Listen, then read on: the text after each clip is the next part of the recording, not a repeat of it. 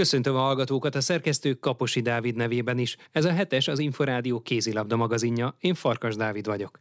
Mai műsorunkban foglalkozunk a férfi válogatott világbajnoki felkészülésével, és interjút hallhatnak Sótonyi Lászlóval. Tartsanak velünk! Hetes. Ezt nem lehet kihagyni. Megkezdte a közvetlen felkészülést a jövő hét közepén kezdődő világbajnokságra a férfi válogatott Telkiben. Csema Rodriguez szövetségi kapitány csapata ezen a héten két edzőmérkőzést játszik Szlovéniával. Az irányító Juhász Ádámot kérdeztük. Két ünnep között kezdtük a felkészülést, néhány edzéssel és inkább fizikai jellegűekkel. Most január másodika óta jöttünk vissza ide telkébe, és inkább a taktikán van a hangsúly, úgyhogy haladunk a felkészülésbe, védekezésben és támadásban is átvettük már nagyjából, hogy mit szeretnénk játszani, úgyhogy azt hiszem, hogy készen leszünk, mire kezdődik a világbajnokság. Eddig a hatos falas védekezésünk és a hatos elleni támadás volt a hangsúlyos. Most kezdjük majd az öt egy elleni támadást és a saját öt együnket gyakorolni. Mindenre lesz idő még itt a elkövetkezendő néhány napban. Már az ünnepek előtt kapott mindenki egyéni programot, azt mindenki elvégezte becsülettel, úgyhogy az első naptól fogva 100%-kal tudtunk készülni. Ön milyen állapotban érzi magát bő egy héttel a kezdés előtt? Most egy kicsit fáradtam, de várom a rajtot, és gondolom az erőnléti edzőnk úgy állítja be a programot, hogy mindenki a csúcsformájában érkezzen majd a világversenyre. Szlovéniával vívnak majd felkészülési mérkőzéseket. Mekkora haszna lehet ezeknek a találkozóknak? Biztos hasznos lesz, hiszen egy nagyon erős európai válogatott, csak úgy, mint a csoportunkban Portugália és Izland is lesz. Mindenképpen a felkészülésünket fogja szolgálni ez a két mérkőzés. Szeretnénk jó eredményt elérni, de még inkább jól játszani, és előrelépni ahhoz képest, ahogy az edzésen dolgozunk az eredmény tulajdonképpen másodlagos ezeken az edzőmeccseken. Nem lesz majd másodlagos a csoportkörben. Dél-Korea ellen kezdenek január 12-én este, utána következhet majd két nappal később az Izland elleni meccs, 16-án pedig a portugálok elleni csoport befejezés, akár csoportrangadó, meglátjuk, hogy melyik hogyan alakul. Mire számít az ellenfelek ellen a csoportban? Nem kezdtünk még el rájuk készülni a videóelemzéssel, úgyhogy még nem beszéltünk nagyon róluk. Amire én számítok az első meccsen a dél-koreaiaktól, az egy kellemetlen játékstílus, szokatlan játékstílus nekünk európaiaknak. Az első mérkőzése még a fáradtság se lesz olyan befolyásoló faktor náluk, úgyhogy egy nagyon nehéz meccsre számítok. Hát a két másik csoport ellenfelünk pedig már ismert tavalyról, nagyon erős európai csapatok, jó játékosokkal, tehát azokon a mérkőzéseken is nagyon-nagyon meg kell dolgoznunk a győzelmekért. Milyen végeredménnyel lenne elégedett? Szeretnénk mindenképp az első nyolcba kerülni, és kivívni a lehetőséget arra, hogy a olimpiai kvalifikációs tornán részt vehessünk. A magyar férfi kézilabda válogatott egyik irányítójátékosát, Juhász Ádámot hallották. Hetes, az Inforádió kézilabda magazinja. Hetes, ezt nem lehet kihagyni. Az őszi szezon után a kilencedik helyen áll a Balatonboglári Neka együttese a férfi bajnokságban. Sótonyi László vezetőedző szerint fiatal játékosai érettebbé váltak, és már merészebb célok is szóba kerülhetnek. A riporter Kaposi Dávid. 9. helyen áll a NECA a férfi bajnokságban. Mennyire elégedett a csapat őszi teljesítményével? Ha magát a helyezést nézzük, illetve a megszerzett pontjainkat, akkor azt kell, hogy mondjam, hogy maximálisan büszke és elégedett vagyok, hiszen fél évkor most egy ponttal van kevesebb, mint a évvégén és túl azon, hogy mi a helyezés, illetve mi a pontszám, a csapat megérett, tehát úgy gondolom, hogy bele, belenőtt ebbe az NB1-be, tehát ezek a gyerekek ugyan még korban gyerekek, de már, de már nem úgy viselkednek a pályán, nem úgy játszanak, tehát azt gondolom, hogy a csapat megérkezett igenis az NB1-ben, most már végérvényesen. A másik része pedig, hogy, hogy azért mindig van egy hiányérzet bennem, hiszen elég erősen maximalista vagyok, és azért független attól, hogy voltak nehézségeink, sérültjeink, kulcsjátékosaink sérültek, azt gondolom, hogy még ez plusz egy egy pár ponttal több lehetett volna, de nyilván nem akarok tehetetlen lenni, és azon dolgozunk, hogy ezek a, ezek a nüanszok, ami miatt elcsúsztunk ezeken a mérkőzéseken tavaszra, már mondom, hogy segítsenek minket, és már a javunkra dőljenek el az ilyen mérkőzések. Melyek azok a területek vagy mutatók, amiben leginkább lemérhető a, ez a fejlődés az előző szezonhoz képest, vagy igazából mindenben sikerült előrelépni? Hát azt gondolom, hogyha magát csak a játékra redukáljuk, akkor, akkor szerintem mindenben. Tehát elkezdve a fizikai erőtől, a gyorsaságon keresztül, a dinamikán, a robbanékonyságon, tehát gyakorlatilag a fizikai mutatókba egyértelműen. Taktikailag, technikailag szintén azért a játékosokkal sokat dolgozunk, egyéni képzések vannak, sokat kell gondolkozniuk, tehát itt szintén látok erőlépést. Nagyon nagy erőlépés van mentálisan is, tehát már nem az a kérdője, hogy mint az első évben, hogy bennmaradunk-e, és hogy idevalók vagyunk-e ezzel a fiatal csapattal, hanem azt gondolom, hogy ha átgondoljuk, tűzhetünk ki akár magas magasabb célokat is tavaszra, de hát nyilván amíg, amíg ez matematikailag nem dőlt el, addig erről nem akarok, nem szeretnék beszélni. Úgyhogy nem akarok belemenni így a játékba, a mélységébe, de alapvetően azt gondolom, hogy tényleg ez, ez jellemző, hogy minden szektorban, és mind csapat, mind egyéni szinten előrelépés történt. Voltak itt bravúros döntetlenek, például ugye a Tatabánya vagy a Balatonfüred ellen is. Melyik meccsel volt leginkább elégedett, melyik a legszebb emlék az őszi szezonból? Hát a legmagabiztosabbak, én azt gondolom, hogy szeptember második felében voltunk. A Komló Budakalászt említhetném ezeket a mérkőzéseket, amikor ugye teljes csapattal, és azt gondolom, hogy igazán nagy lendülettel ránk jellemző játékot tudtuk játszani és hát nyilván ilyen fiatal csapatnál mindig vannak új emberek, akiket kiismernek, tehát mindig tovább kell fejlődniük, tovább kell lépniük, hogyha a versenyben akarnak maradni. Tehát a, egy kis megtorpanás után azt gondolom, hogy, hogy visszatértünk ebbe a kerékvárásba, és tényleg itt a Tatabánya is egy ilyen szép pontszerzés volt a végén de hát ahogy említettem, nyilván az ember nem akar tehetetlen lenni, de, de lehetett volna még egy-két meccsen is pontot szereznünk, de ettől függetlenül ezek, ezek olyan eredmények, amire mindenki felkapja a fejét is, és egyértelmű, hogy egy egyénileg jóval erősebb játékosokból álló csapatoktól sikerült pontot szereznünk, vagy adott esetben legyőznünk, és ezt hát elsősorban a, a mentális felkészülésünknek, taktikai felkészülésünknek köszönhetjük, hiszen fizikailag, technikailag még mindig nem vagyunk az NB1-nek a nagy részének a szintjén. Mikorra érheti ezt el egy, egy ilyen fiatal csapat? Nagyon egyszerű magyarázat. Fiúkból a férfiak olyan 24-25 éves kor körül lesznek, tehát akkor van az, hogy az izomtömeg, azok a testi mutatók, alkati, testalkati mutatók már olyan szinten szerepelnek, hogy, hogy azt lehet rájuk mondani, hogy tényleg erős, megerősödött egy, egy férfi, azért az én játékosaimra még fér az izom tudnak még erősödni, úgyhogy még van pár évük, de, de teljesen jó az irányvonaluk, tehát ezt a munkát kell folytatni, amit, amit itt csinálunk velük, függetlenül attól, hogy most majd maradnak nálam a jövőben, vagy elkerülnek innen. Ez egy fontos jelzés ugye mindenkinek, hogy, hogy dolgozni kell, és, és a munkának meg lesz az eredmény amikor arról beszélt, hogy azért lehetett volna még ennél is több pontot, talán ugye a Dabas és a Gyöngyös elleni meccsekre gondolhatott, ugye ott mind a két meccs egy gólos verességgel zárult, de összességében, hogy látja, ezek is kellenek ahhoz, hogy ezek a játékosok mindenből tanuljanak, és ez a tapasztalat is hozzá járul majd az ő fejlődésükhöz? Természetesen, hát a Dabast én nem sorolnám ide, mert ott egész mérkőzésen jelentős hátrányba játszottunk, egy, egy jóval rutinosabb csapat ránk kerültette az akaratát. Nyilván ebből kell majd nekünk tanulni, hogy ezt hogy kell kezelni. Tehát az az egy pontos vereség Davason az azt gondolom, hogy összességében hízelgő volt ránk nézve.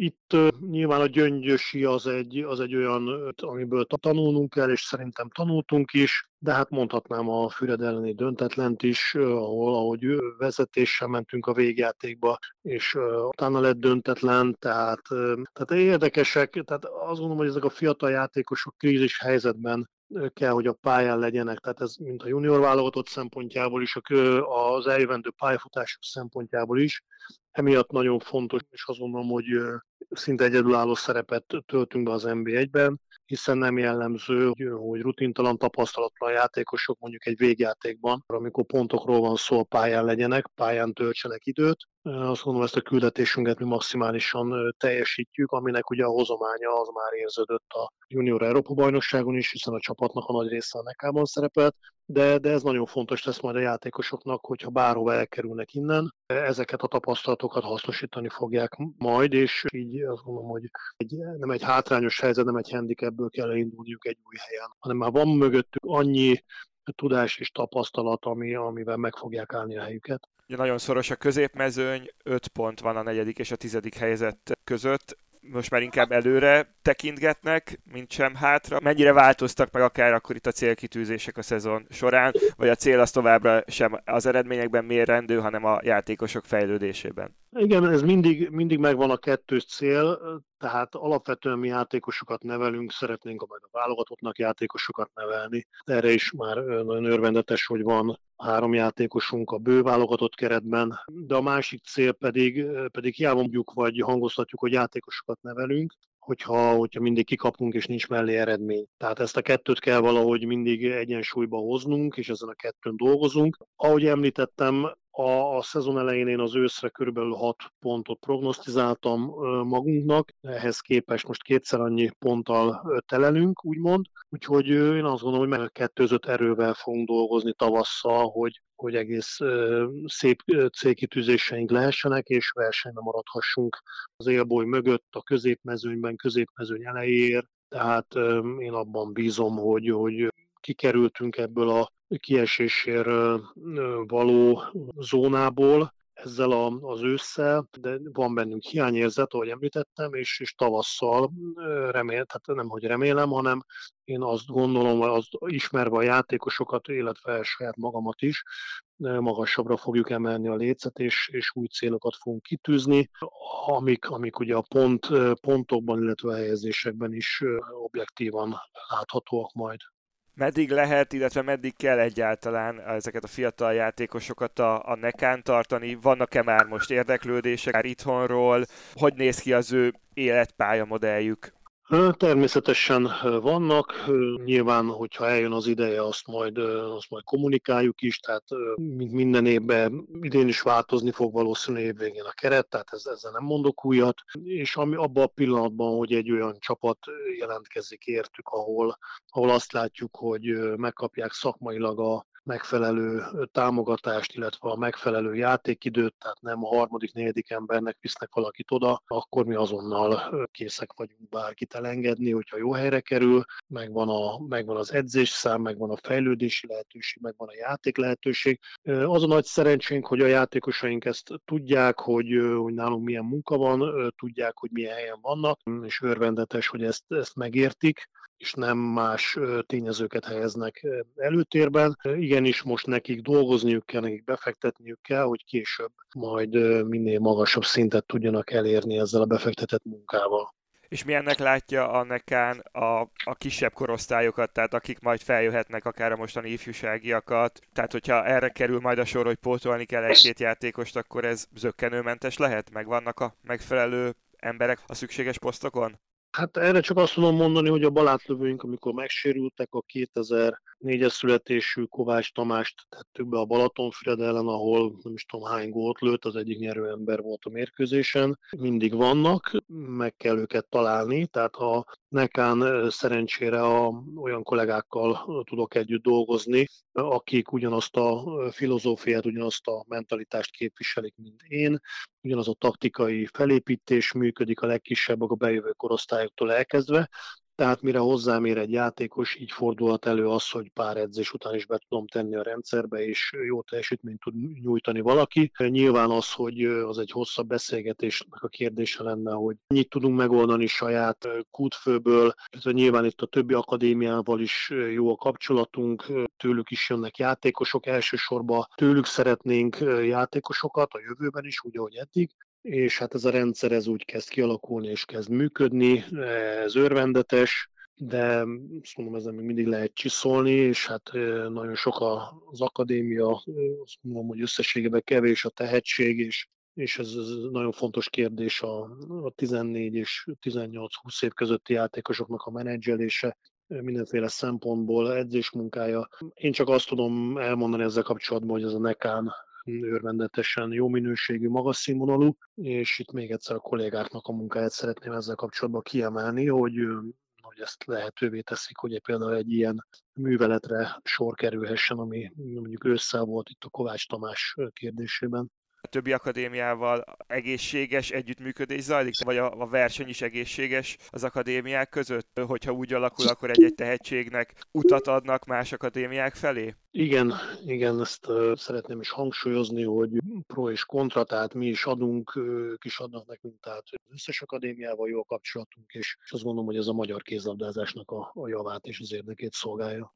Hogyan néz ki most ez a téli szünet annak a férfi csapatánál, mennyi pihenőt kaptak a játékosok, milyen munkát fognak most itt végezni, amíg ugye nem indul újra a bajnokság? Hát, hogyha jól emlékszem, akkor 17-én volt a, az utolsó mérkőzésünk, majd 19-én volt egy záró felmérés edzéses nap, és 27-től házi otthoni munkával készülnek a játékosok, ezt mindenki megkapta, és a közös felkészülés pedig január 9-től kezdődik. Januárban ugye szerepelni fogunk egy Porecsi nemzetközi tornán, lesz Magyar Kupa mérkőzésünk, Tatabányával játszunk felkészülési mérkőzést, tehát azon nagyon gyorsan el fog telni a január. Bízom abban, hogy sérülések nélkül és hasznosan fogjuk tudni eltölteni ezt a pár hetet. Említette a felnőtt válogatottat, hogy ugye végül is többen voltak a bőkeretben, a, a szűkített keretben Padasics Kristóf harmadik számú kapusként vélhetően ott, ott van a VB-re készülő keretben. Nyilván ez is egy jó visszaigazolása a munkának. Igen, tehát ezt, ezt említettem is, hogy, hogy ez, ennek nagyon örülünk, nagyon büszkék vagyunk a Krakowski Bencére és a Zsoltra, tehát a két szélsőnk és a, a Palasics Kristófra, a kapusunk került be, és hát igen, a, a Kristóf az, aki a szőkített keretben is most elkezdte a munkát, és együtt készül a felnőtt válogatottal, és ez is egy nagyon fontos jövő mutató lépés. Ez, elő, az előbb említett menedzselés, tehát a, igenis ezeket a tehetségeket menedzselni kell, tehát nem ő lesz a kezdő kapus a világbajnokságon, viszont ott van már ott azt a levegőt szívja, amit a többiek együtt készül, együtt dolgozik velük, tud tőlük tanulni, más impulzusokat kap, tehát ez nagyon fontos, hogy szerintem az ő fejlődésén is ez fog lökni egyet, úgyhogy ennek nagyon örülünk, és tényleg büszkék vagyunk rá is, és a másik két fiúra is. Összel is volt ugye a felnőtt válogatottnak olyan összetartása, amikor legalábbis az itthoni edzésekre több nekás játékos is bekerült, és edzhettek a, a nagyokkal. Mit látott rajtuk utána, milyen élményekkel, impulzusokkal tértek vissza utána a klubhoz? Ez mindig egy, jó visszajelzés, és mindig egy, egy pozitív lökést ad a játékosoknak, és, és ez érvényes a visszatérésükre is. De hát elmondhatom, hogy a Nekával a, a nyári Montpellierbe való edzőtáborunk is fantasztikus volt, hogy, hogy testközelből láthattuk ezeket a játékosokat, játszhattunk ellenük felkészülési mérkőzést. Ez a januári torna is ezt szolgálja, hogy testközelből lássák a felnőtt mezőnyt, a nemzetközi mezőnyt, és, és nyilván egy kicsit a környezetváltozás ebben a téli időszakban szintén fontos, hogy egy kicsit a fejük is kiszellőzzön, úgymond idézőjelbe is, és rendben legyen a bajnoki kezdésre. És mire számít egyébként a felnőtt válogatottól a januári világbajnokságon? Hát bízom benne, hogy elérik a kitűzött célokat. Mit gondol a csoportról? Ugye Dél-Koreáról viszonylag kevés információ van, a másik két csapatról viszont a, az Európa bajnokságról még frissebbek az élmények.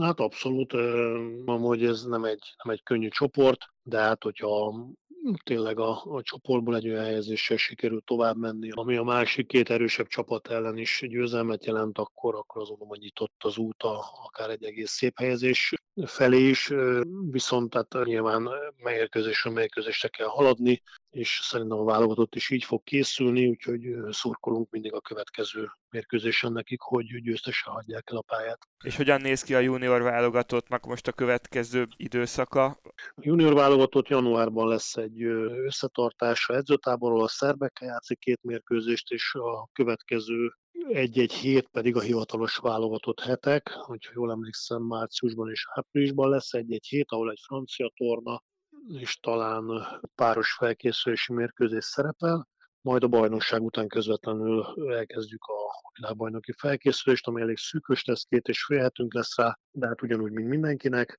Kicsit hamarabb lesz a világbajnokság, mint az Európa bajnokság volt, de bízom abban, hogy az a, az a munka, az a keret, amit kialakítottunk, az, az úgy gondolom, hogy jól működik, több játékos van most már egy poszton, két-három játékosat tudunk számolni. Bízom abban, hogy ezek a srácok még az Európa bajnoksághoz képest fognak tudni előrelépni. Megfelelő mennyiségű játékidőt kapnak azok is, akik mondjuk nem annak játszanak, hogy látja most az ő formájukat? Hát ezt mindenkinek külön kell megnézni, tehát szerintem itt mindenkinek egyértelmű, hogy milyen a helye, vagy, vagy hol játszik.